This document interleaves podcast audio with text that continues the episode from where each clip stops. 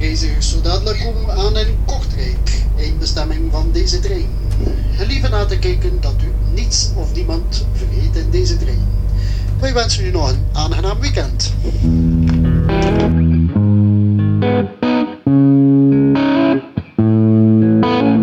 Hallo, ik ben Wim Oosterlink. Welkom bij de podcast Drie Boeken, waarin ik boekenliefhebbers vraag naar de drie boeken die wij volgens hen moeten gelezen hebben. In deze aflevering gaan we op bezoek bij de collega's. De collega's boekenpodcastmakers. Want naast drie boeken zijn er nog andere boekenpodcasts waar ik ook graag naar luister. Zo is er Bende van het Boek, waarin Sarah Logge en Trace Acou praten over de boeken die ze gelezen hebben. In deze dubbelaflevering van drie boeken vraag ik hen naar hun persoonlijke drie boeken. In de andere aflevering praat ik met Sarah. In deze aflevering is mijn gast Trace. Trace Acou, geboren in 1991, copywriter van beroep. Ze woont in Kortrijk samen met haar vriend, hun babydochtertje Lucie, hun hond Ricky en een kat. De hond bleef de hele tijd bij ons in de buurt. De kat was nergens te bespeuren. We gingen aan de keukentafel zitten naast een lage kast met aan de ene kant boeken, aan de andere kant vinylplaten. Trace zette koffie en toen gingen we babbelen. Ze vertelt over hoe ze als kind op bibliotheekdag de boeken van de Biep al uit had voor het avond was. Het gaat over introvert zijn, over luisterboeken en hoe onbeleefd het is om naar een boek te luisteren als je de hond uitlaat. En ik krijg een schattig kinderboekje te zien over een stinkvinger. En op het einde stel ik haar vijf vragen die ik ook aan haar podcastcollega Sarah stel. Het gaat onder meer over de meest mislukte aflevering van hun podcast. Check wimoosterlink.be, de website van deze podcast, voor de drie boeken van Trace en foto's van mijn bezoek. Geef daar je e-mailadres ook even door als je wil. Dan kan ik je de nieuwsbrief sturen die bij deze podcast hoort. Drie dingen, zo heet de nieuwsbrief. wimoosterlink.be, daar vind je alles. En dan nu veel luisterplezier met de drie boeken die je moet gelezen hebben, volgens Trace Acou. Wij babbelen over boeken. En ik zeg bewust babbelen, want vaak is dat... Allee, we hebben wel zo'n beetje een outline van hey, we gaan over deze boeken praten, we willen dit zeggen. Maar vanaf daar gaat het een beetje los. Bijvoorbeeld, we hebben deze week een aflevering opgenomen en plots waren we twee minuten aan het praten over gebruineerde patatjes. Gewat? Gebruineerde patatjes. Zo, dat ze ge- gebakken ja, zijn. Ja, ja. inderdaad. Um, je moet luisteren naar de podcast om te weten waarom. Ik ben zo benieuwd. ja, het is echt cliffhanger. Dat is met teaser van in het ehm, begin al. Ja, ja, ja. Maar als in, ik- wij, wij babbelen gewoon zoals we zelf zouden praten onder elkaar. En af en toe krijgen we dan een mailtje en dan zegt iemand, ah, het voelt alsof dat ik bij jullie aan tafel zit. En dat is de bedoeling. Ehm, het is de bedoeling dat je zo, zo wat direct getriggerd wordt om ook te gaan lezen. Maar niet uit welk boek. Like, als je naar de podcast luistert en daarna denkt van, ah, ik ga iets helemaal anders gaan lezen, maar ik heb gewoon zin om te lezen, dat is het vooral. dat zo dat, wel, plezier daarin. Ja, maar dat werkt ook wel. Hè. Als je zo hoort praten over, over lezen en over zo de liefde voor boeken, ja, ja, dat werkt wel. In ja, ja, dat werd keihard. Net zoals in een boekhandel rondlopen. Ja, ik was daar ook net aan het denken. Ik heb nog één iets ermee dat ik ook heb. Is bijvoorbeeld als ik een boek lees over moestuinieren. Ik kan dan nooit lang lezen. Ik, ik werk super in de tuin. Ik kan altijd met twee pagina's lezen en dan stek ik in mijn nof. Eh, dus dat is nog een beetje aan mijn tand. want ik- Mijn moestuinboeken raken allemaal niet uit te lezen. Ik heb met boeken over zo, hoe dat je beter je werk kunt organiseren. Ja, dan ben je direct bezig. Hè? Ja, na zo drie zinnen denk ik, ah ja, en dan schrijf ik iets op en dan ben Ja. ik alweer... Bijvoorbeeld, ik mag geen moestuinboeken in mijn bed lezen, want ja, dan is toch... Allee, dan, dan kan ik niets meer doen. Ehm, maar dat is, ik ben weer aan het babbelen, hè. ik ben al helemaal sidetracked. Maar dat is dus wat we doen met de Bende van het Boek. We praten over boeken, maar ook gewoon over het plezier van lezen. Ja, en hoe, hoe Sarah en jij, dus dit is een, eigenlijk een dubbel aflevering van Ja. Mhm. deze podcast, dus ik interview jullie allebei. Ehm, maar het zijn twee aparte afleveringen, Ja. zodat. Eh, eh, hoe hebben jullie elkaar leren kennen eigenlijk? Wel, ehm, mensen denken altijd, oh, dat zijn twee West-Vlamingen, die kennen elkaar van West-Vlaanderen, want alle West-Vlamingen kennen elkaar. Ja. Nee, dat is niet waar. Is dat niet? Ehm, Is dat toch niet? Ontken je nu... Allee, eh, ontkracht je ja, het probleem is, iedere keer als ik zeg dat dat geen waar is, vragen mensen, en ken je die West-Vlaming? En dan ken je die altijd wel. Dan zeg je altijd ja. ja. Ja, maar Sarah en ik kennen elkaar van in Gent. Ehm, we zijn daar collega's geweest, bij uh, iMinds, toen het al nog bestond. En ehm, wij vonden elkaar zo'n beetje omdat we alle twee wel graag lazen en daar graag over babbelden. En dan dachten we, gaan we een boekenclub beginnen. Hebben we dat gedaan. We hebben ook effectief een, een boekenclub los van de podcast. En omdat we dat zo leuk vonden, zei Sarah, um, Therese, er is ook like, zoiets nieuws en dat heet een podcast. En ik zei, ja, geen idee, maar als je dat wel doen, Savak zal wel meedoen. En hij gewoon zo wat regelt met die, met die micro's en zo. En dan zijn we echt een beetje op de bots begonnen daarmee. En hoe lang is dat geleden nu? Dat was in 2016. ja, ik weet nog, het eerste boek dat we gelezen hebben was um, Here I Am van uh, Jonathan Safran Foer, toen dat dan net uitkwam. Dus ja, dat is al even geleden. En jullie uh, spreken dan af welke boeken jullie lezen? Want soms is het, heb jij iets gelezen Ja. en Sarah niet. En, Ja. Maar hoe gaat dat precies? Hoe, hoe doe je dat? Ja, dat is ook een beetje, dat is meestal zo wat op de bots. We doen veel op de bots. We hebben wat verschillende afleveringen. We hebben zo verschillende formats. Soms lezen we hetzelfde boek. En dat kan bijvoorbeeld zijn omdat we dat ook gelezen hebben in de boekenclub. Dat we zeggen, ah, we gaan het ook nog een keer een aflevering opnemen. Soms zijn we gewoon alle twee in hetzelfde boek geïnteresseerd. En zeggen we, ah, we gaan het allebei lezen en daar een aflevering over opnemen. Dus we hebben de één boek aflevering. Soms hebben we een meer thematische aflevering. Ehm, nu hebben we bijvoorbeeld een aflevering opgenomen over zelfzorg. En gaat echt een beetje over zelfhulpboeken. Wat vinden we interessant? Wat hebben we bijgeleerd? Dan kijken we gewoon een keer in onze kast. Wat hebben we onlangs gelezen dat daarbij aansluit? Doen we daar iets mee? En soms hebben we gewoon alle twee een stapeltje mee van kijk, dit hebben we onlangs gelezen. Gaan we daar een keer over babbelen. En dat is ook wel leuk, want dan, weet je wel, dan heb ik op het einde van de aflevering zoiets van ah Sarah, mag ik die een keer lenen? Klinkt heel interessant. Ehm, want ja, je zit op zich gewoon met een vriendin over boeken aan het praten dan.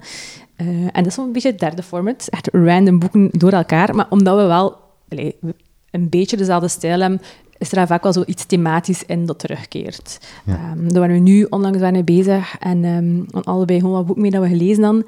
En plots dacht ik, Sarah, dat was nu wel weer vrij feministisch. Hè. Ik zei, we gaan daar gewoon even het thema van maken. Thema feminisme. Ja, ja. Of, of boeken die daarin passen. Um, ja. Ja. Okay. zo, zo gaat dat bij ons. Oké, okay, in de andere aflevering hoor je dus wat Sarah uh, ja. daarvan vindt en of zij dat ook vindt dat dat zo is. Ik hoop dat ze een beetje hetzelfde zegt. Ja, ik hoop het ook. zeg, um, hoe is het hier in huis? Want ik weet dat jij een uh, baby... Het is nog een ja. baby, hè? Baby, baby. Ja, het is nog een baby. Ja, ja klopt. Zes maanden? Ja, is zes maanden. En ik weet nog, toen ik vertelde aan mensen dat ik zwanger was, dat heel veel mensen zeiden, ja, had dat niet meer zoveel kunnen lezen. Hè. En ik dacht, ja, dat, ja, misschien is dat wel zo, misschien kun je dat niet zoveel meer lezen, maar tot nu toe, hout afkloppen, heb ik daar nog niet zoveel van gemerkt. Aha. Ik ben nog altijd redelijk veel aan het lezen. Ik weet nog dat ik een dag na mijn bevalling was ik in het ziekenhuis. Ik had voor het zekerst een boek ingepakt. Want ik dacht, je weet nooit, hé, op een leeg moment, ik zal maar zorgen dat ik mijn boek mee heb. En um, mijn baby lag te slapen op mij en ik had mijn boek erbij genomen en ik was aan het lezen. En die vroedvrouw komt binnen en die begint echt te lachen en zegt dat heb ik nog niet veel gezien op de gang. maar ja, dat ging leuk. Kijk, in, in het moederhuis heb ik um, de Rotters Club gelezen van Jonathan Coe. Ja, vrij mooi. Maar ik denk dat dat inderdaad wel zeldzaam is, dat je erin Ja. slaagt om dat te combineren. Ja. Maar Ik hoor dat wel van nog ouders die zeggen van eigenlijk zal wel wel. Um, ik lees nu bijvoorbeeld, nu is het iets minder, want ze slaapt al wel vaker, maar ik las dan um, s'nachts gewoon op mijn, op mijn iPhone een e-book, terwijl ze aan het drinken was s'nachts. Ja, tuurlijk. Ja, ik heb veel gelezen, zo die eerste weken, ja. Wat moet je anders doen op dat moment? Ja, je slaapt nog veel natuurlijk, hè, Ja, baby in het begin. Het is dat. En, en nu eigenlijk ook. Mijn vast moment dat ik anders lees, lees ik nog altijd. Amai. Um, ik heb ook ontdekt, um, ja, ik kolf nog af. Sorry als dat te veel informatie is. Um, ik heb ontdekt dat de, de manier waarop dat ik het meest productief ben daarin, is als ik een boek lees. Dus ja, ik ben... Dus je er komt meest uit, om ja, het ja, ja, te ik kan meest melk produceren als ik aan het lezen ben. Mm, mm? Inderdaad. Ja. Ja, ja, zo gaat het. Dat is exact het geluid. Is uit een man met ervaring. Ja. Maar dus ik, per dag moet ik twee keer 20 minuten verplicht mijn boek lezen. En dan, dan produceer je het meest meer dan nu. Ja, want in het begin ik dat zo terwijl ik nog aan het werken was achter mijn computer en dat was echt geen succes. Omdat je ontspannen bent. Ja, ja, ja, echt omdat je ontspant. Ook als je over de moestuin leest. Bijvoorbeeld, ja. Iets moeilijker natuurlijk.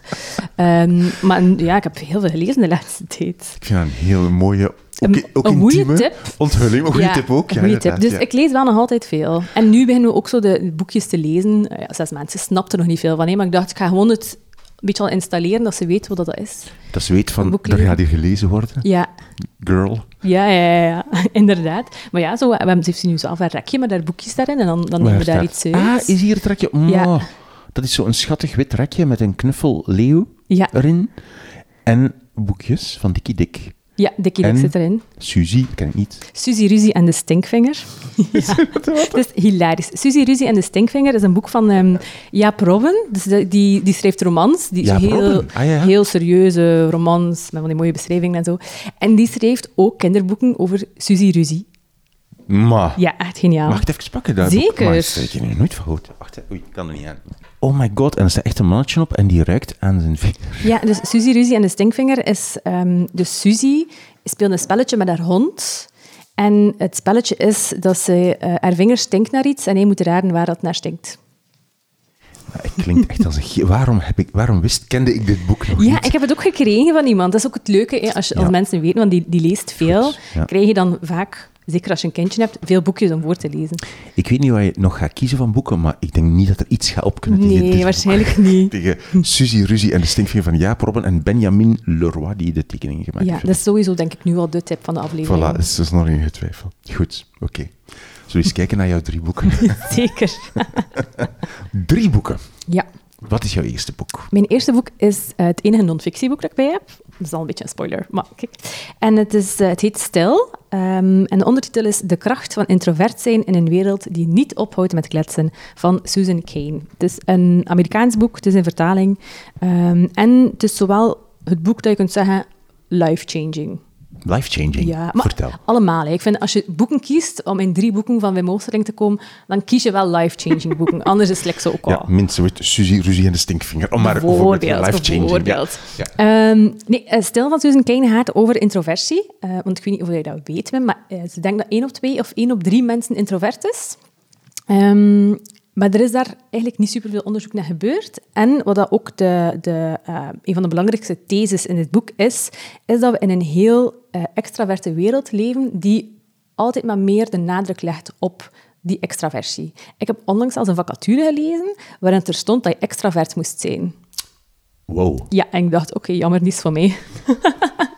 Eh, maar dat, ik was echt een beetje gechoqueerd daarvan. Ik dacht, is dit discriminatie? I don't know. Ja, waarschijnlijk moet je voor die functie extravert zijn. Ehm, ik denk dat ze ook een kleine denkfout maken waarbij ze sociaal maar extravert verwarden. Ehm, maar dat terzijde. Maar dit boek gaat dus echt over eh, introversie, extraversie. Wat is de wetenschappelijke basis daarvan? Ehm, wat betekent dat in onze cultuur? En ook, wat kun je doen als introvert persoon of ouder van een introvert persoon? Vond ik ook heel interessant, eh, om het leven voor jezelf makkelijker te maken. Ja, ik weet niet, heb je het zelf gelezen? Ja, ik heb het zelf gelezen. Ja. Ja. Wa- waarom is het life-changing? Of was het Omdat, life-changing? ehm, en dat is ook een beetje wat ik daarnet zei, we leven in een extraverte wereld. Heel vaak wordt er je zo wat aangepraat als introvert van, hm, dat, is, dat is misschien wel raar, misschien kun je toch iets extraverter worden of je extraverter voordoen. Meer je best De wereld is daar ook op afgestemd, op, op mensen die heel outgoing zijn, die tegen heel veel prikkels kunnen, die eh, ja, altijd maar wel eh, ergens anders zijn. Ja, bijvoorbeeld de FOMO, hé, dat is echt een, gewoon een extravert ideaal van de fear of missing out. Sorry, maar ik, zo, ik heb van mijn leven nog geen dag FOMO gevoeld, denk ik. Ehm, en daarom is dat zo life-changing, omdat het zo herkenbaar is. Je leest van die dingen en je denkt, oh, maar ja, ik heb dat al heel mijn leven. Zo leuk dat ik daar niet alleen in ben. Want ik heb eigenlijk... Ik ben echt het type voorbeeld van een, eh, van een introvert, denk ik. Maar ik heb pas rond mijn 25, 26 ontdekt, één, dat dat bestond en dat ik dat was. En toen is er echt een soort van wereld opengegaan van, ah, oké, ik ben niet raar of ik ben niet afwijkend, maar er, er zijn nog heel veel andere mensen zo. En was dat door dat boek? Nee, dat was door... dat is een beetje grappig. Maar door een online persoonlijkheidstest. Ik weet niet, je kent de Myers-Briggs-test wel of niet? Ja.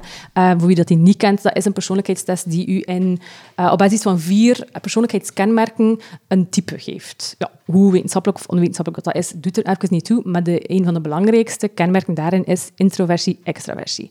De eerste keer dat ik die test deed, heb ik denk ik 96 of 97 procent gescoord op de richting de introverte kant. Ehm, Vrij duidelijk, vrij, Vrij- overtuigend. vrij overtuigend, inderdaad. En dan dacht ik, ah, dat is, dat is like toch wel echt eh, een dingetje. Ja. Ja. Ehm, en dit boek heeft dat zo nog iets meer uitgediept voor mij. Het toont ook aan, niet alle introverten zijn, zijn hetzelfde. Je hebt, je hebt heel veel verschillende... ehm, ja, ze zijn ook niet alleen maar introvert. Je hebt, hebt dan nog daarnaast heel veel andere persoonlijkheidskenmerken. Maar ik vond het heel interessant dat het ook plaatste in de maatschappij. Het gaat bijvoorbeeld ook over landschapskantoren. Het gaat over hoe dat we samenwerken op het werk of op school. En dat dat heel hard is, toegespitst op die extraverten. Uh, van, hey, oh, gaan we daar een brainstorm over doen? Terwijl een introvert is eigenlijk niet supergoed in een brainstorm. Um, dat we daar zo een beetje soms in het nadeel zien. Ja. Um, je wist al dat je introvert was ja. hè, voor je dit boek las. Heeft iemand jou het boek aangeraden of heb je het zelf gevonden? En nee, ik heb dat online. Um, uh, ik volg ook wat introverten op de socials. soort zoekt soort, denk ik dan. En daarin um, is dat wel zo'n beetje het, het, boek over het onderwerp. Ja. Um, ik vergelijk het soms zo wat, maar je hebt ook... Introvert wordt nogal vaak samengegooid met hoogsensitief. Eigenlijk ze denken dat van de hoogsensitieven er 70% introvert zijn en 30% extravert. Dus dat hangt niet per se helemaal samen. Ah, oké. Ja, maar daar is er ook zo'n boek en dat heet The Highly Sensitive Person van Elaine Aron. Ja. Uh, ook heel interessant. Ah, hier, ja, ik heb die, ik heb die ook stapel met zo, met zo extra boeken die je erin wilt sneaken? Ik dacht, ja, misschien wil Wim daar ook nog over praten, dus ik ga die gewoon al klaarleggen. Ja, nee, maar het is, het is echt heel goed. Um, dus de, de introvert staat ervoor bekend dat ze zich graag goed voorbereiden. Elaine en Aaron? Ja, PhD. PhD. Ja. Um, want Elaine, dat is ook die, die, dat is een professor, die heeft daar heel veel onderzoek naar gedaan, dus dat is zeker niet uh, van uh, mijn dagboek als een uh, hoogsensitief persoon of zo. Okay. Totaal niet. En uh, wat ik ook heel interessant vind, en dat is in dit boek en in het boek van Elaine Aron, dat ze ook gaan kijken naar bijvoorbeeld de fysieke um, repercussies daarvan. Mm -hmm. Dus het gaat niet gewoon over ze voelen zich overweldigd, maar bijvoorbeeld uh, er is een onderzoek gebeurd bij, niet bij baby's, maar een, een lange termijn onderzoek bij kinderen en dan ook hoe dat ze zijn als ze opgroeien. En dat je bijvoorbeeld al van bij baby's kunt aan de hand van hun reacties voorspellen van zij gaan introvert of extravert zijn. Nou. Ja, dus het is niet iets dat in je hoofd zit. Mhm. En ze zien dan bijvoorbeeld dat baby's die later introvert worden heel veel um, uh, meer reageren op prikkels, die pupillen gaan sneller wijd open. En dan later zien ze dat bijvoorbeeld introverten uh, sneller zo'n een, een zweetreflex krijgen als ze ergens van verschieten en zo. Dus het is echt wetenschappelijk onderzoek van hoe, hoe manifesteert zich dat. Kunnen we op basis puur fysiek zien of dat iemand introvert of extravert is. Ja.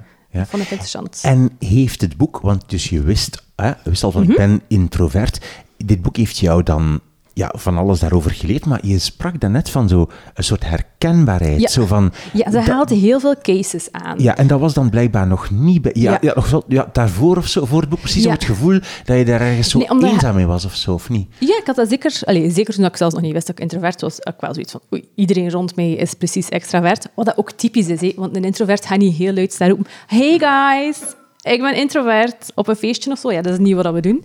Um, en ik vond het heel interessant dat ze daar ook zo wat de nuances in steekt. Want het is helemaal niet... Bijvoorbeeld iets dat terugkomt is... Introvert is niet hetzelfde als verlegen. Want als mensen mij zien, gaan ze niet denken... Oh, die is heel verlegen. Vroeger wel veel meer, nu veel minder. Maar het gaat er bijvoorbeeld over dat als introverten wel heel gepassioneerd zijn over iets. Neem nu boeken dan zijn die totaal niet verlegen. Dan wil je daar uren over praten. Ja, ik, ik merk het. Inderdaad. Um, zie zo van die nuances daarin. Dat je denkt van introvert wil niet per se zeggen dat je altijd wil thuisleven, dat je met niemand praat, dat je altijd met je neus in de boeken zit. Okay, misschien wel veel. Uh, lezen is echt een typische introverte hobby. Um, maar zo die, ja, die, die kleine dingen die daar ook soms in zitten. Ja.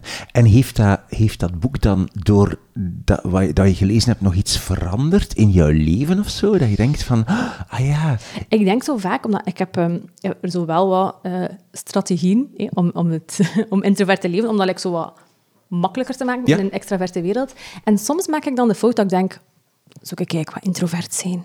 Het gaat eigenlijk wel goed bij mij. Ik, ik praat wel veel tegen mensen al. En dan denk ik van, misschien ben ik toch niet introvert. En dan lees ik dat boek en dan herken ik ook al die strategieën dat alle introverten toepassen. En denk ik, ah, jawel, jawel, jawel, jawel. Toch wel, toch wel. Um, Zelfs dat is deel van de eigenschap ja, van het introvert zijn. Ja, ja. Dat je um, denkt dat het niet zo Maar wat ik heel interessant vind, er is ook een, een volledig hoofdstuk gewijd aan omgaan met introverte kinderen. En dat vind ik dan wel heel herkenbaar. Dat ik denk van, ah, ik was ook dat kind. Ja? Ik was dat kind dat daar dan zo'n beetje aan de kant stond. En dan mensen dan denken van, oh, zo zielig, dat kindje durft niet goed meedoen of het is uitgesloten of zo. En als ze dat dan vragen aan dat kind, is het like van, ja, maar ik, ik, wil liever gewoon even alleen zijn. Ja, ja, ja.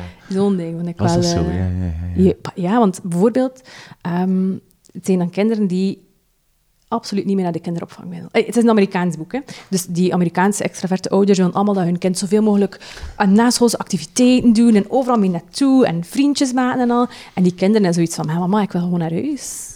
Ik wil, want je hebt de hele dag al die indrukken opgedaan. Ja, school, dat zijn zoveel indrukken, zoveel mensen.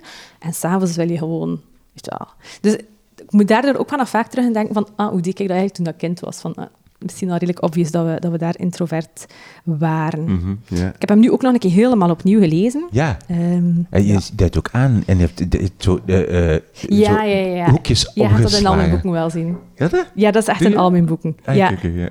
Zie, like bijvoorbeeld dit hier gaat dan over dat je ja, als introvert wel echt kunt heel ehm, sociaal zijn en enthousiast zijn, maar het moet gaan over iets dat je, dat je passionate over bent. Het gaat ook soms over ja, koetjes en kalfjes, dat we daar heel slecht in zijn. Dan denk ik, ja, dat is waar. Maar als het gaat over iets dat je interessant vindt, dat je door geboeid bent, dan is dat allemaal geen probleem. Mhm. Ehm, en ook leuk, dus zij is zelf ook een introvert, vandaar interesse ervoor, Mhm. ehm, is dat ze dan vertelt over hoe, dat ze, het, hoe dat ze haar onderzoek heeft gedaan.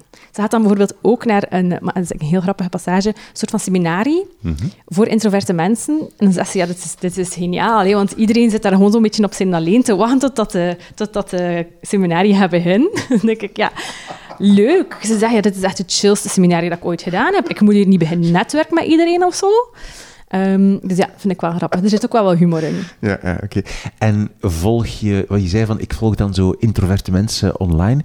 Is zij daar dan bij, Susan Kane, de schrijfster? Mhm. Ehm, ik heb haar nog niet echt gevonden. Ik heb wel daarnet nog gekeken naar een TED-talk van haar. En ik vond het heel charmant, omdat je voelt ook echt dat het niet helemaal op haar gemak is. Met de valies. ja, de ja, ja, valies. ja, met de valies met de boeken. Ja, je voelt ook dat ze zo'n beetje...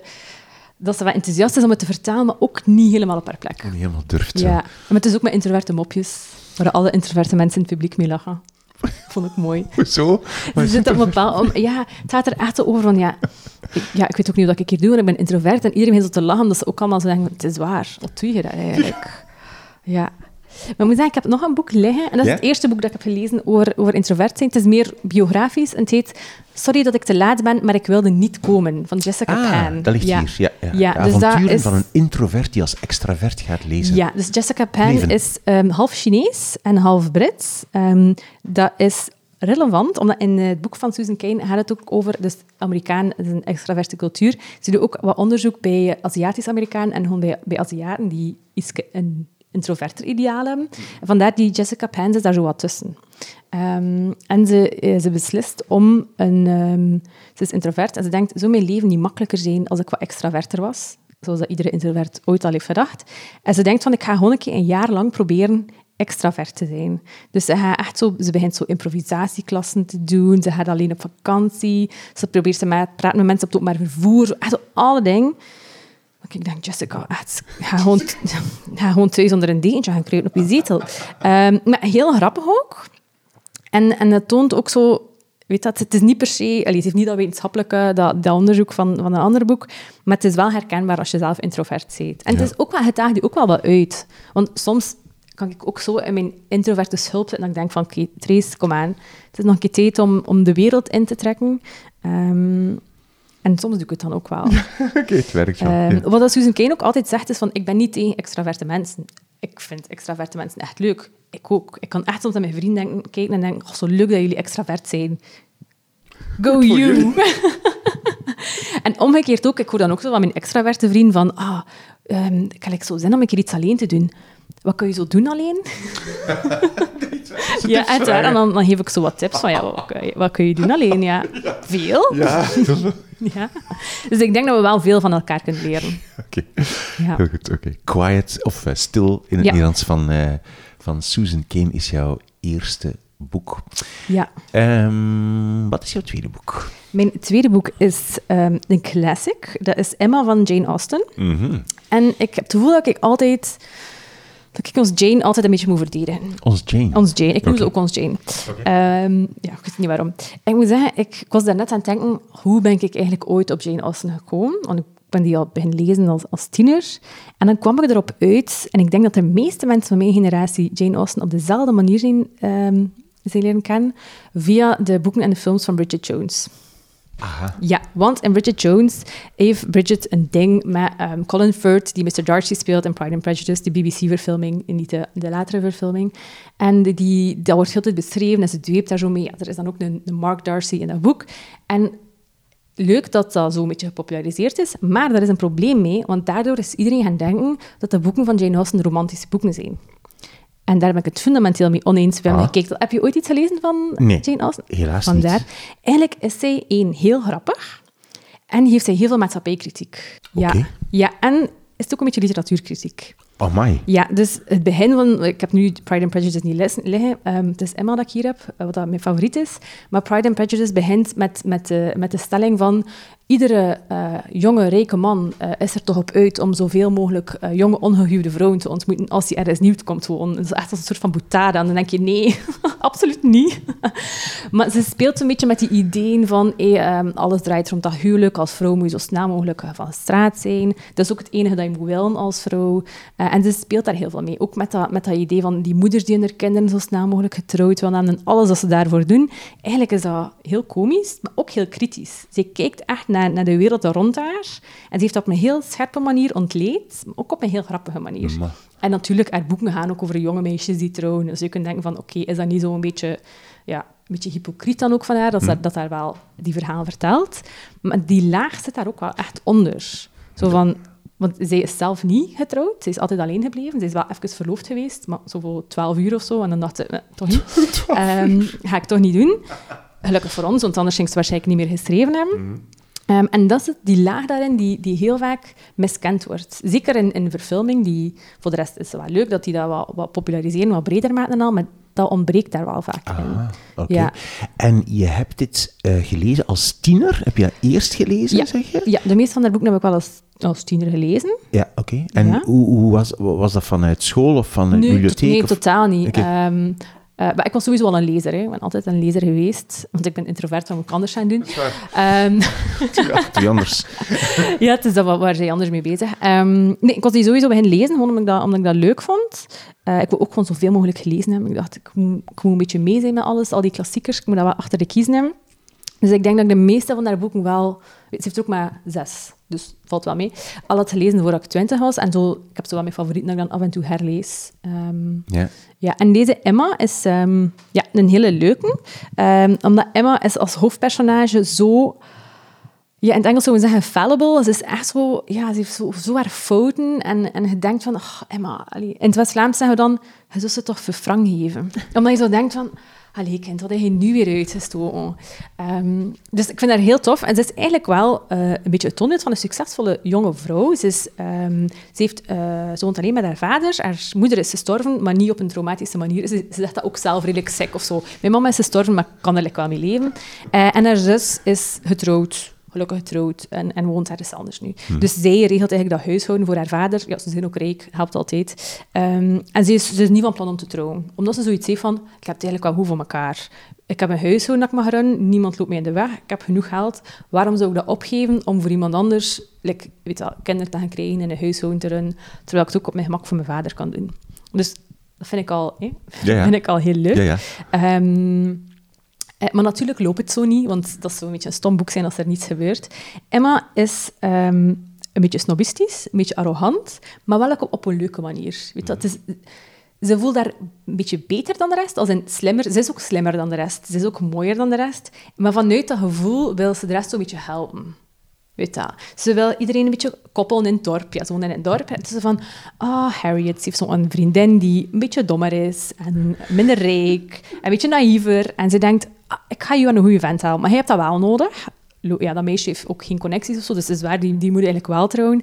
En Emma probeert dat dan te regelen. Vanuit een soort van goedheid, die tegelijk wel een beetje arrogant is. Maar dan gebeurt natuurlijk van alles. Er is een misverstand. Ehm het is geen FC de kampioen, daar moet je niet, niet mee inzetten.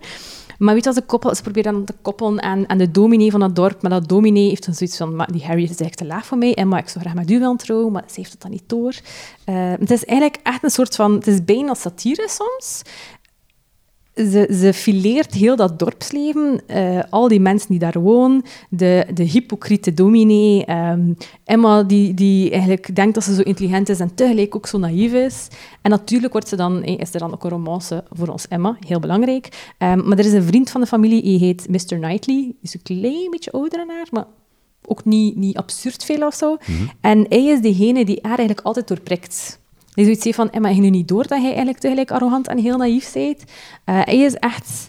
hij is niet de Prince Charming. Eh, Dat, dat doet Jane Austen ook wel vaak. Ze voert dan zo de, de typische Prince Charming op, waar iedereen verliefd op wordt, maar dan haalt ze die ook wel onderuit. Wat ik wel kan appreciëren. Ze gaan, ja, je weet meestal van in het begin wel van, ze gaan met die uiteindelijk uitdraaien, maar soms passeert er dan zo iemand die denkt, daar is er nu even weer de draak aan het stelen met, die, met de conventies van het genre. Amai, maar ik Ehm, wist wel niet dat hij dat deed. Maar Want- veel mensen ja, dat nee. niet. Ik moet dat altijd opnieuw gaan Ja, uitleggen. maar goed dat, je, goed dat je het uitlegt. Ja. Goed. Ja, ja, ja, ik ben blij. Maar dus Emma is, ehm, vind ik, heel geslaagd daarin. Die is ook een paar jaar geleden opnieuw verfilmd. Heel mooi. Ehm, Anna Taylor-Joy speelt Emma. En Mr. Knightley, oké, wordt natuurlijk wel door een knappe jonge man gespeeld deze keer, is eh, Johnny Flynn speelt hij.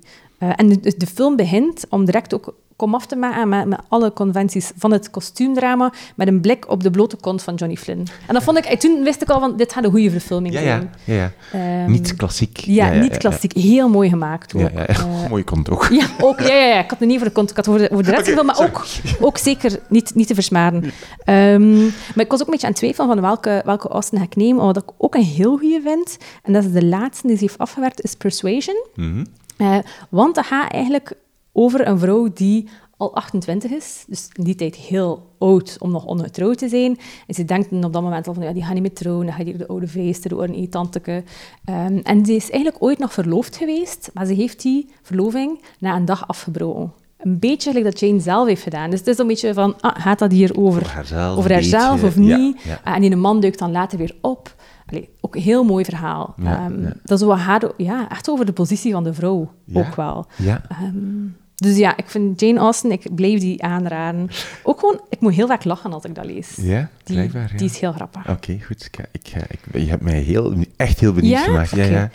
Ehm, je zei net dat je, zo, dat je eigenlijk al die klassiekers gelezen hebt, voor je, van haar Goed, dan voor ja. je twintigste. Maar, maar heb je dan ook, was dat jouw doel in, in het algemeen om zoveel mogelijk Ja, ik klassiekers wil te lezen? echt Ja. veel klassie- Gewoon omdat ik zoiets heb van, als je die basis hebt, want heel vaak, literatuur bouwt graag verder op wat er daarvoor kwam. Dus ik dacht, als ik dat nu gewoon al een keer probeer te lezen, ik kan niet zeggen dat ik ze allemaal gelezen heb. hè. Op een bepaald moment heb ik ook zoiets van, ja, voort, nu ga ik een keer iets nieuws lezen.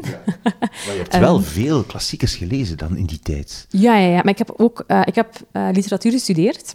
Ah ja. Dus vandaar eh, ook nog, nog veel klassiekers. Maar dat is zoiets, dat gaan we misschien bij Sarah ook nog terugkomen. In het begin lazen we ook veel klassiekers. Maar wat is er vaak een klassieker? De typische, eh, wat is, dat, is dat de wasp? De, de white...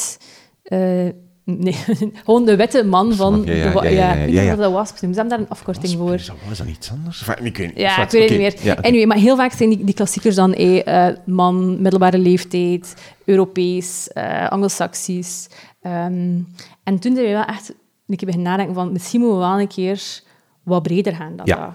ja. Ehm, dus nu heb ik ook heel veel vrouwelijke klassiekers gelezen. Ja. En daar moet je een beetje meer naar zoeken vaak. Maar een keer dat je ze vindt, blijf je er ook wel mee bezig, omdat die verwijzen ook vaak naar elkaar. En dan, eh, Ja. Dus dat vind ik wel heel leuk, Ja. dat we daar nu een ander, iets een ander beeld van hebben. Ja, die we zitten ook in een tijd waarin dat we, dat, dat echt wel zo, dat daar bewust naar gezocht ja, wordt in de wereld. Hè? Ja, Zo heel bewust. Hè? Inderdaad, ja. Zo. Uitgevers zijn daar ook allemaal aan het zoeken van, hey, wie is er hier de... Ja, wie is, ver- wie is de, verge de vergeten wie? Ja, ja, En ik, had, ik was daarnet in mijn boekenkast aan het kijken en dan heb ik ook nog even Iris Murdoch opgevist. God. Ik weet niet of je Iris Murdoch kent. Goh, ja, ja, ik ken de naam, maar ik heb daar Ja. nog... Dus, is het? The, The Sea, The The Sea. Echt fantastisch. Ja. Iris Murdoch is zo, ja, een vrouw die al een beetje vergeten is. Dus ze is wel nog van de 20e eeuw. Hè. Dus ze is, niet, ehm, ze is gedebuteerd in 1954. Mm. Ehm, maar The Sea, The Sea is echt zo'n werk dat je denkt, gelezen dat je denkt, wow, dat is wat literatuur kan doen.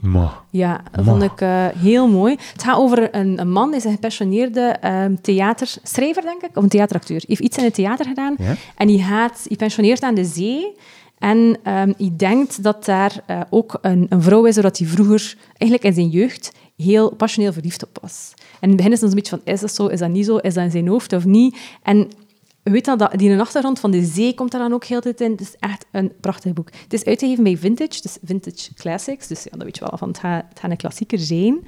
Ehm, heel mooi. maar ook inderdaad een naam. Als je, toen je de naam zei, dacht je van, god ja, die naam. Maar ja, zo, het, is. Ja, het ja, zit weg. Het zit weg zo. Het is weg. Ik, heb, ik ken die naam, maar niet meer dan dat. Nee. Ah, goeie, goeie tip. Maar en dan ook nog in dat genre ja, heb je nog de Brontes. Ook zo Ja. typisch, iedereen denkt aan de Brontes. Dat zijn ook van die kostuumdrama's, dat gaan over meisjes die verliefd worden. Maar echt, de Brontes. dat is fantastisch. Ik kan daar, echt- maar ik kan daarover blijven babbelen. Ehm, Jane Eyre is ook die dat hier even goed kan liggen als Emma, omdat dat ook een boek is met een vrouwelijk personage dat zo tot u spreekt, dat je echt zo het gevoel hebt als je dat leest van alsof het tegen u persoonlijk aan het vertellen is. Ehm, ook heel indringend, ook heel maatschappijkritisch. Ehm, het gaat ook over, eh, Jane Eyre is een gouvernante, dat is een heel lastige positie, eh, omdat je, je zit geen deel van de familie, je zit geen deel van het werkvolk. Je moet al, eigenlijk is het enige eerbare job dat je kunt doen als vrouw van een bepaalde stand die niet getrouwd is. Ehm, dus ja, ook echt, eh, ja, Oké, de Brontes. De ja. Brontes. Ja, Oké, ook. super. Ja. Je zei dat je altijd veel gelezen hebt, Ja. maar eh, was dat thuis zoiets dat normaal was? Mijn broer en mijn zus lezen bijna nooit. Eh, mijn ouders lezen wel, maar zo meer vakantielezers. Maar wij gingen bijvoorbeeld wel eh, bijna elke week een keer naar de biep. Eh, dus het is niet dat wij superveel boeken van onszelf aan de neus, maar dat was wel zo van de zaterdag voormiddag, ja, we gaan een keer naar de biep. Eh, en dat was soms problematisch, want dan had ik in de namiddag soms al mijn boeken uit. Allee, zeker zo als je zo nog heel klein bent. Wat, hè, wat? zo. Zeg je dat niet? Dus, dus je Ja, als je namiddag al die boeken uit. Ja, maar dat is zo'n dorpsbibliotheekje dat drie keer in de week open was. Eh, Zaterdag voormiddag, de dinsdag namiddag en de donderdag namiddag. Welk dorp? Moorschelen. Moorschelen. Ja, ja. ja. Ehm, dus ja, en dat was echt, zeker zo, ja, als je nog het eerste, tweede, derde leerjaar, dat zijn dunne boekjes. Dus je begint die te lezen en dan heel vaak was dat tegen de, tegen de namiddag dat ik dat uit of toch zeker tegen de zondagmorgen. En dan moet je wachten tot de dinsdag namiddag om terug te gaan naar de biep. Dat is verschrikkelijk. Ja, ik mocht dan ook al snel zo wat opschalen naar zo de volgende leeftijd in de biep, want ja, er waren daar ook niet mega veel boeken. Op een duur had je wel gelezen waar je zin in had. Ehm, dus ik heb wel al... Ik heb ook zo nooit... Veel mensen zeggen, ik heb dan zo een paar jaar echt niet veel gelezen. Dat heb ik zo geskipt. Ik heb dat geskipt. Ik ben gewoon blijven lezen. Blijven veel lezen. Ja.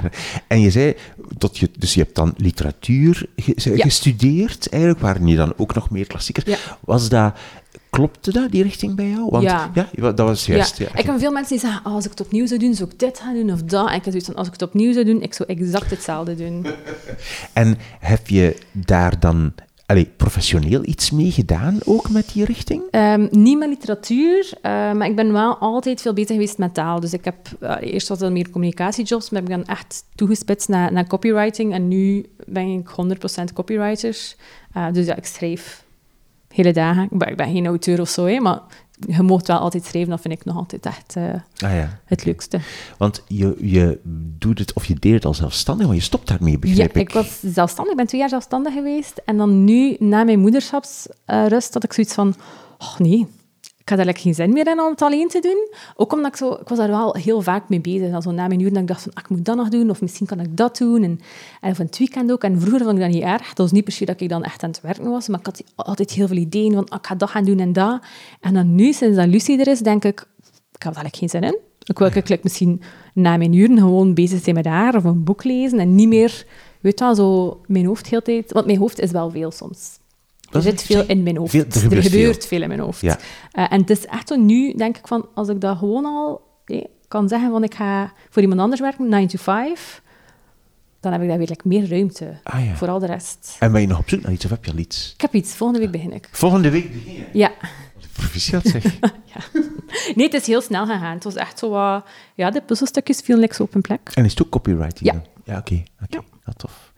En wat je zegt van zo... ehm, dat je daarmee stopt, dat heeft niks met het introverte, hoogsensitieve, dat heeft daar niks mee te maken. Ik denk misschien wel een beetje. Want ik had daarvoor... Heb ik, hoe lang ben ik al aan het werken? Hoe oud ben ik? ik heb zeven jaar wel echt altijd op een kantoor gewerkt. Wel af en toe thuiswerken, maar wel altijd in grote omgeving, bedrijven van 30 mensen of meer. Ehm, en zeker ook als je copywriter bent in-house in een bedrijf, dan moet je constant met heel veel mensen werken. Want dan moet je altijd denken, ah, kun jij mij een briefing sturen, kun jij mij dat bezorgen, kun je dat een keer nalezen? Allemaal in-house, dus mensen staan ook heel tijd aan je bureau. Ah, Therese, ik heb dat bekeken, kunnen we dat een keer gaan doen? Kun je, kun je dat daar doen? Wil je daar een keer over praten? Kom wel een beetje gek als ik eraan denk. Dus toen was dat echt zo van, oké, ik ga voor mezelf beginnen. Dan zit ik gewoon thuis, mijn klanten zijn ergens anders. En twee jaar lang was dat like, ideaal. Maar soms dacht ik dan wel, misschien ben ik nu wel heel hard alleen Te alles alleen. aan het doen. Te alleen alles aan het doen. En dat is zo'n beetje altijd dat introverte, een beetje een dunne lijn om te bewandelen. Blijf ik helemaal in mijn comfortzone? Of ga ik af en toe wel een keer naar buiten om De, um, Susan Cain noemt dat de elastiektheorie, dat we onze persoonlijkheidskenmerken wel een beetje kunnen oprekken. En je kunt wel een beetje extraverter zijn, maar je moet gewoon niet weet wel, proberen om 100% extravert te zijn. En nu ga ik ergens gaan werken waar we met vijf zijn allemaal copywriters. Dus je moet, als je met je klant werkt, die zijn vaak niet ter plekke, maar je kunt wel met elkaar een keer gaan terugkoppelen van, ah, hoe zou jij dat doen? Of wil jij dat een keer nalezen? Dus er is wel collega en collegialiteit, maar niet meer zoveel dat ik echt zo elke avond overweldigd ben en denk van, dat was te veel samenwerking. te veel samenwerking. Ja. Ja, nee, oké, goed. Oké. Succes met je nieuwe job. Dank je wel. Jouw tweede boek was dus Emma. Emma van Jane Austen. Ja. Wat is jouw derde boek? Mijn derde boek is um, ook zo'n beetje een classic, dat ik denk van, misschien dat, dat, niet iedereen hem kent.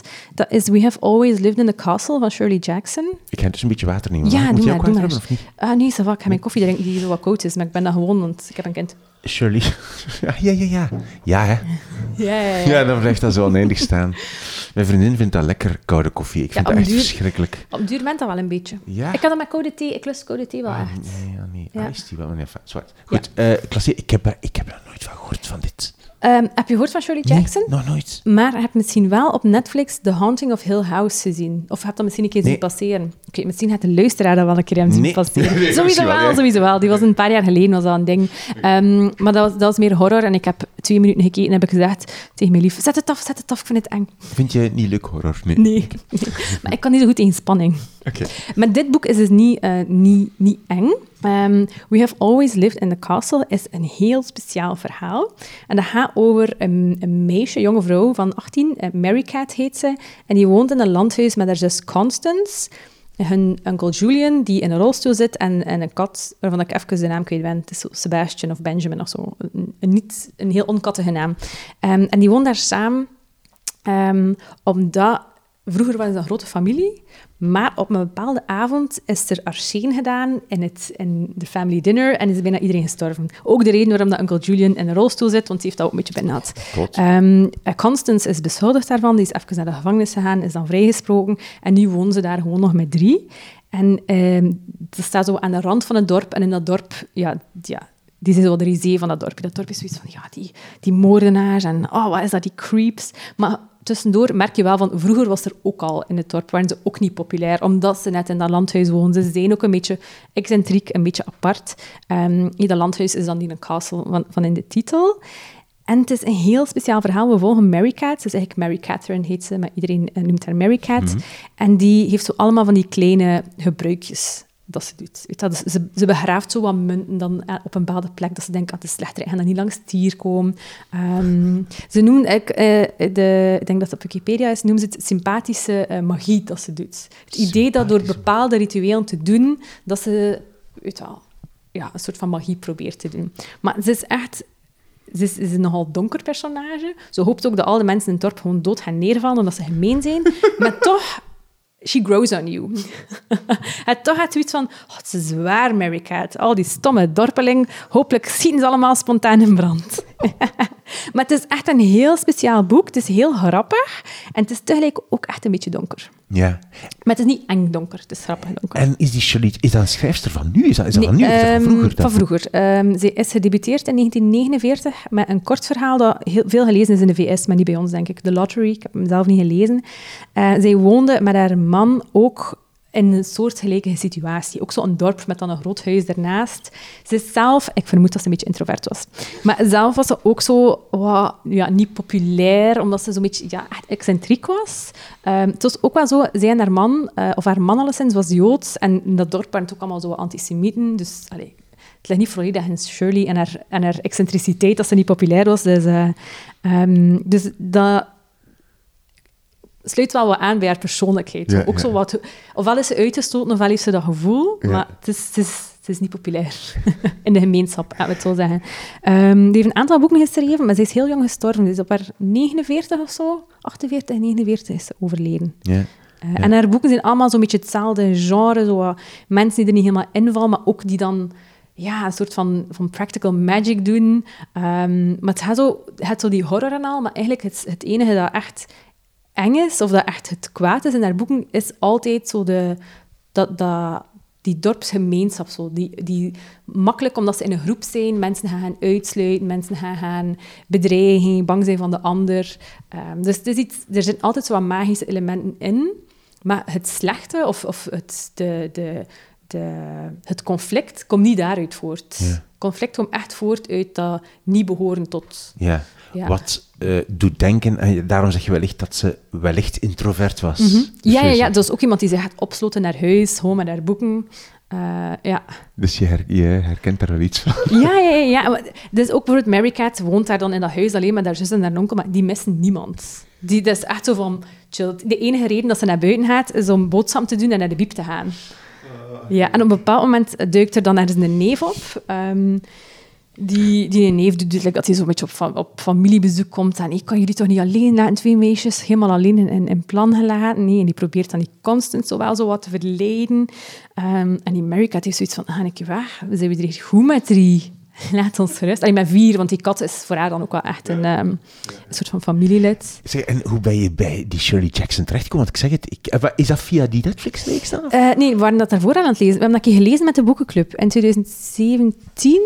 Maar ik weet zelf ook niet meer helemaal. Iemand heeft dat voorgesteld. Iemand van de boek. En wie zit er dan? Dus je, Sarah zit ook in de boekenclub? Ja, Sarah zit ook daar in de dan, Zit daar dan nog boekenclub. vrienden in of zo? Is Ja, dat dan? ja dat, zijn, dat zijn zo wat vriendinnen. Dat is zo- we hebben zo elk wat mensen uitgenodigd, dat we die vinden dat leuk. En for some reason zijn dat allemaal West- Vrouwen. Raar eigenlijk. Ja, heel vreemd. Ja, ja, ja, ja.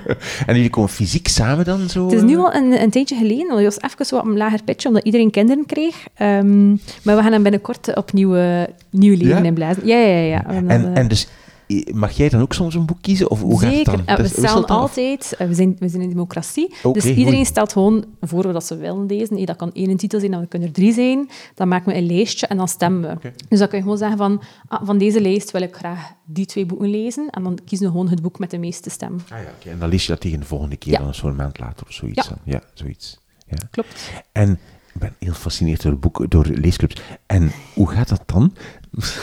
Allee, ja, nee, maar ja, nee, ik weet dat niet. Heb je nog nooit een leesclub Nee. gehad? Ah, ik wel. Ik had op het werk had ik ook een leesclub. Ah. Ik was zo'n beetje de leesclubbeheerder. En ik heb altijd, als ik een leesclub doe, begin ik altijd eh, met één iemand te vragen, wil je voor ons een keer het boek samenvatten? Omdat iedereen vat een boek op een andere manier En samen. weet hij dat op voorhand dan? Nee, nee, nee, nee, nee, nee. Een Chinese vrijwilliger. Oh my god, dat of een heel extravert persoon Ja. dat ik op de verkeerde plek is verzeild. Ehm, en ik vraag dan gewoon, vat het een keer samen. Ja. En meestal is dat de enige vraag die je moet stellen. En dan begint... Ja, want die vatten dat samen en dan zegt iemand anders van, ah ja, oké, maar dat gebeurt ook nog. En dan denk je al van, ah kijk, grappig dat die ene persoon dat in zijn samenvatting niet had vermeld. Want Ja. hoe dat je een boek, want ja, je kunt een boek nooit exact samenvatten. Ik ben zeker bij deze drie boeken nog al superveel vergeten. Ehm, wat je kiest om te vermelden, zegt al heel veel over hoe dat je het boek gelezen hebt. Ja, ja. Ja. En ja, en dat gesprek dan loopt aan. En, en is het gaat ook zo over de vraag van, is het goed of is het slecht? Ja, zeker. Ja. Soms kun je dan ook zo wat verliezen. Allee, ik heb zelf literatuur gestudeerd, dus soms verlies je dat zo'n keer.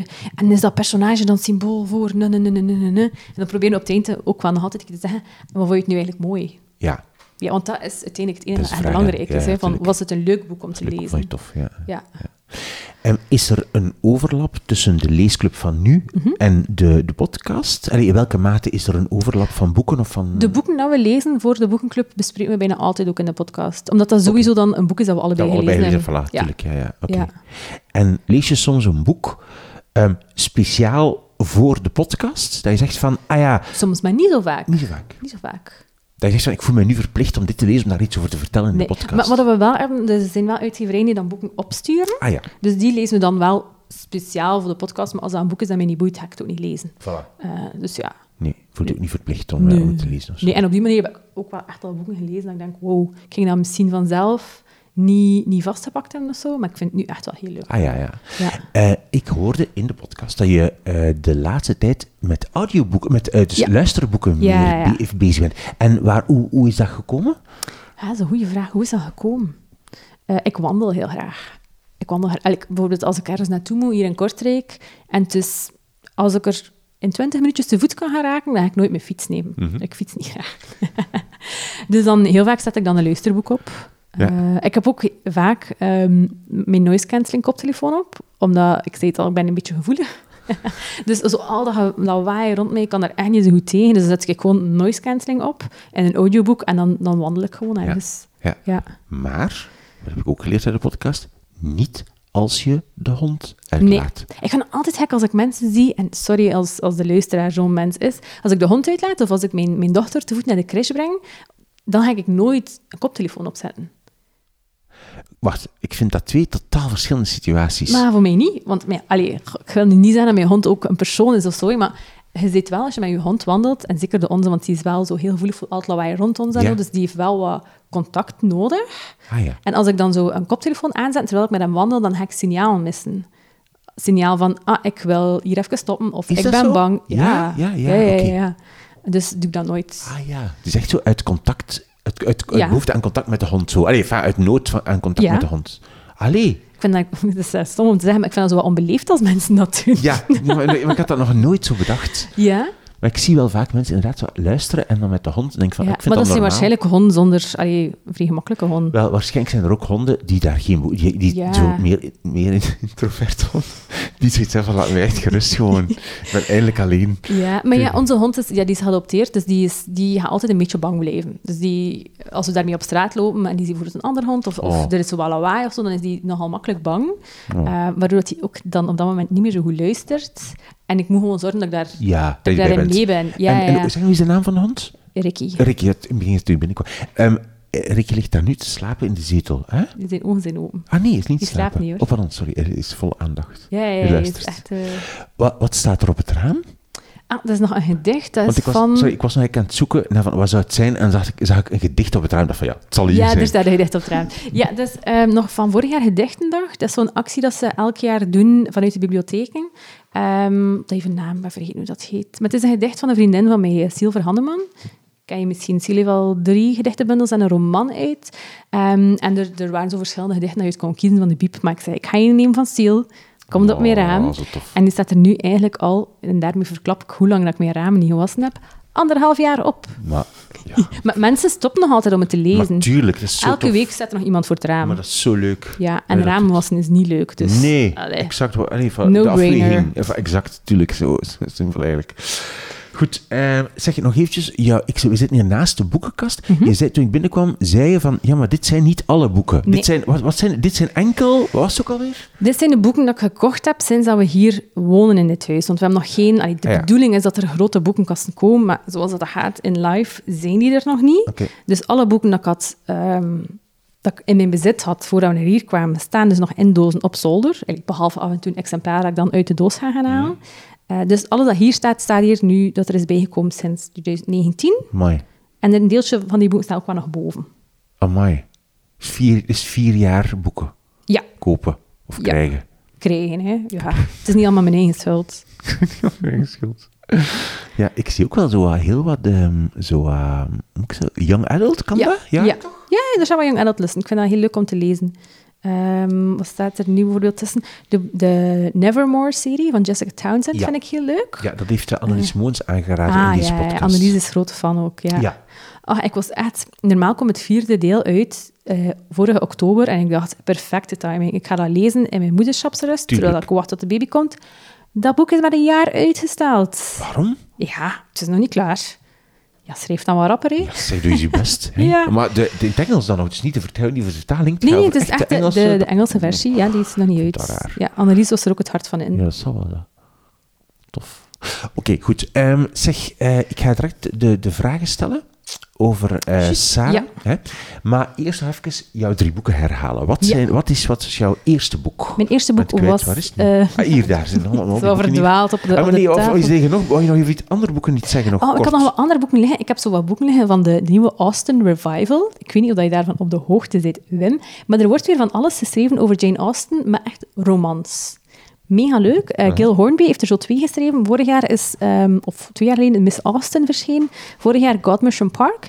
En dat zijn boeken die niet per se alleen over Jane Austen gaan, maar over mensen die zo wat in haar periferie zaten. Oké. Ja, dus dit boek gaat over de gouvernante van haar broer, Mhm. eh, die een goede vriendin van haar is geworden.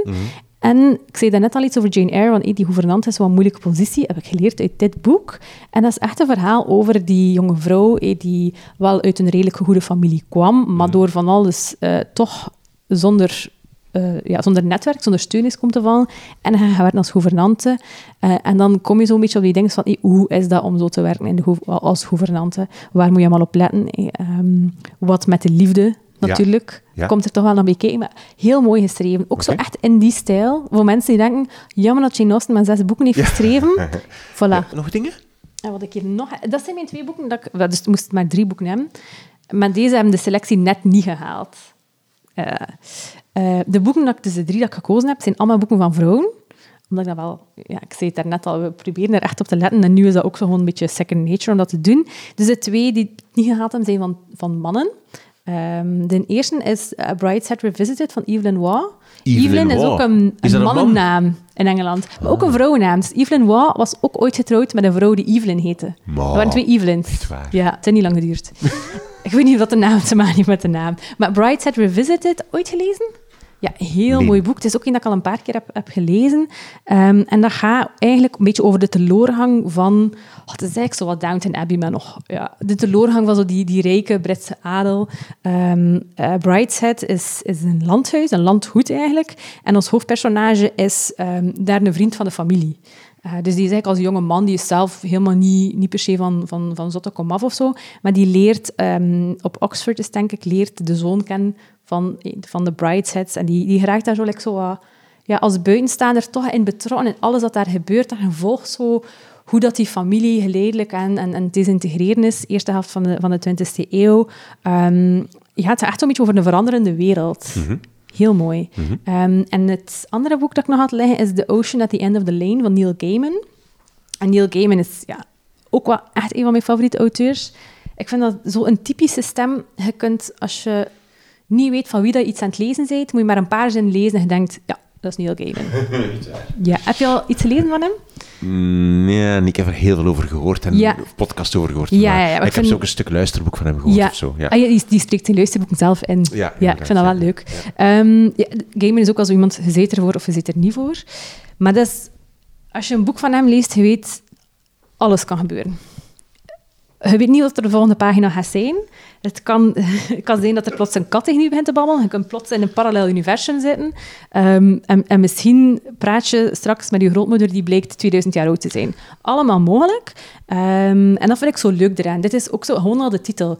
The Ocean at the End of the Lane. En eigenlijk is die ocean gewoon de vijver. En je kunt zo vaak niet weten van, gebeurt dit nu in de fantasie van iemand? Of zitten we echt in een fantastische wereld? Ja, ja, ja. Je weet het zo niet. Alright, heel goed. Wil jij jouw drie boeken nog eens herhalen? Wat was jouw eerste boek? Ja, dat was Stil van Susan Cain. Ja, in het Engels. Dan Quiet. hadden we Twee. Emma van Jane Austen. En drie. We Have Always Lived in the Castle van Shirley Jackson. Dat heb je in het Engels gelezen. Heb je al... Heb je, nee, enkel Stil is in het Nederlands, de andere is in het Engels, Ja, de andere is in het Engels, ja. ja. Alright, goed. Dit is een dubbele aflevering. Ik interview ook jouw collega van uh, Ben van Boek, Sarah. Ja. Inderdaad. Um, die kan je ook uh, nu beluisteren, die aflevering. En ik, op het einde stel ik dezelfde vragen over jou als ik nu over haar ga stellen. ja, oké. Okay. Is het een quizformat? Nee, er, er zijn geen foute antwoorden? Nee, nee, nee. nee, okay. Het is echt gewoon over, over haar. Ja. Je mag ook nadenken. En oké. Vijf vragen. Eerste vraag. Wat is volgens jou het lievelingsboek aller tijden van Sarah? Oh, dat is niet zo moeilijk. Ik denk Just Kids van Patti Smith. Oké. Okay. Ja. Goed. Wat moest zij zeggen? Oh, dat vind ik moeilijk. Als, ze vroeg, als ik aan haar vroeg, wat is het lievelingsboek? Maar ik weet dat niet. Één lievelingsboek. Ze moest er één zeggen. Wat heeft ze gezegd, denk je? Maar ik heb geen idee. Hmm.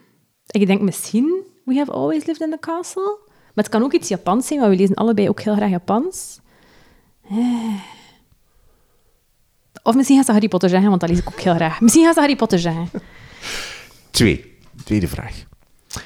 Aan welk soort boeken heeft Sarah een hekel? Amai, dat weet ik echt niet. Ik kan nu alleen maar dingen bedenken dat ze leuk vindt, natuurlijk. Maar dan denk ik, wat valt er daarvan tussen? Waarschijnlijk, er zijn waarschijnlijk heel veel boeken dat ze niet leuk vindt. Hmm. Ze heeft wel één boek dat ze haat. Mag ik dat zeggen? A Little Life. van Hanya Yanagihara. Dat is echt waar, ze haat dat boek. Ze heeft al zoveel geprobeerd om erin verder te lezen, maar ze vinden het zo te ongeloofwaardig dat die mensen zoveel pech heeft. dus ik denk, ik weet niet wat er een genre is dat ze haat, maar dit boek haat ze echt met with a passion. Perfect, Ja. perfect antwoord. Wat heeft ze over jou gezegd, denk je? Hmm, welk boek haat ik? Of welk soort boeken? Ik denk misschien zo... Biografie van Saaieman, denk ik. Want ik hou wel van een goede biografie, maar dat moet wel verrassend zijn. En eerlijk, biografieën van man zijn meestal niet zo verrassend. Oké, goed. Volgende vraag. Wat is de meest geweldige eigenschap van Sarah? Ah, dat is een goede vraag. Ze heeft er veel. Sarah kan heel makkelijk verontwaardigd zijn. Maar ik vind dat goed. Ik vind dat we te weinig verontwaardigd zijn. Ze kan echt zo kwaad zijn over een slechte verhaal in hun thuis. En dan denk ik, ja, het is waar, Sarah. We mogen veel eisend zijn voor onze favoriete soapserie. En Sarah eet ook heel graag taart en koekjes. Volgende vraag, vierde vraag. Ja.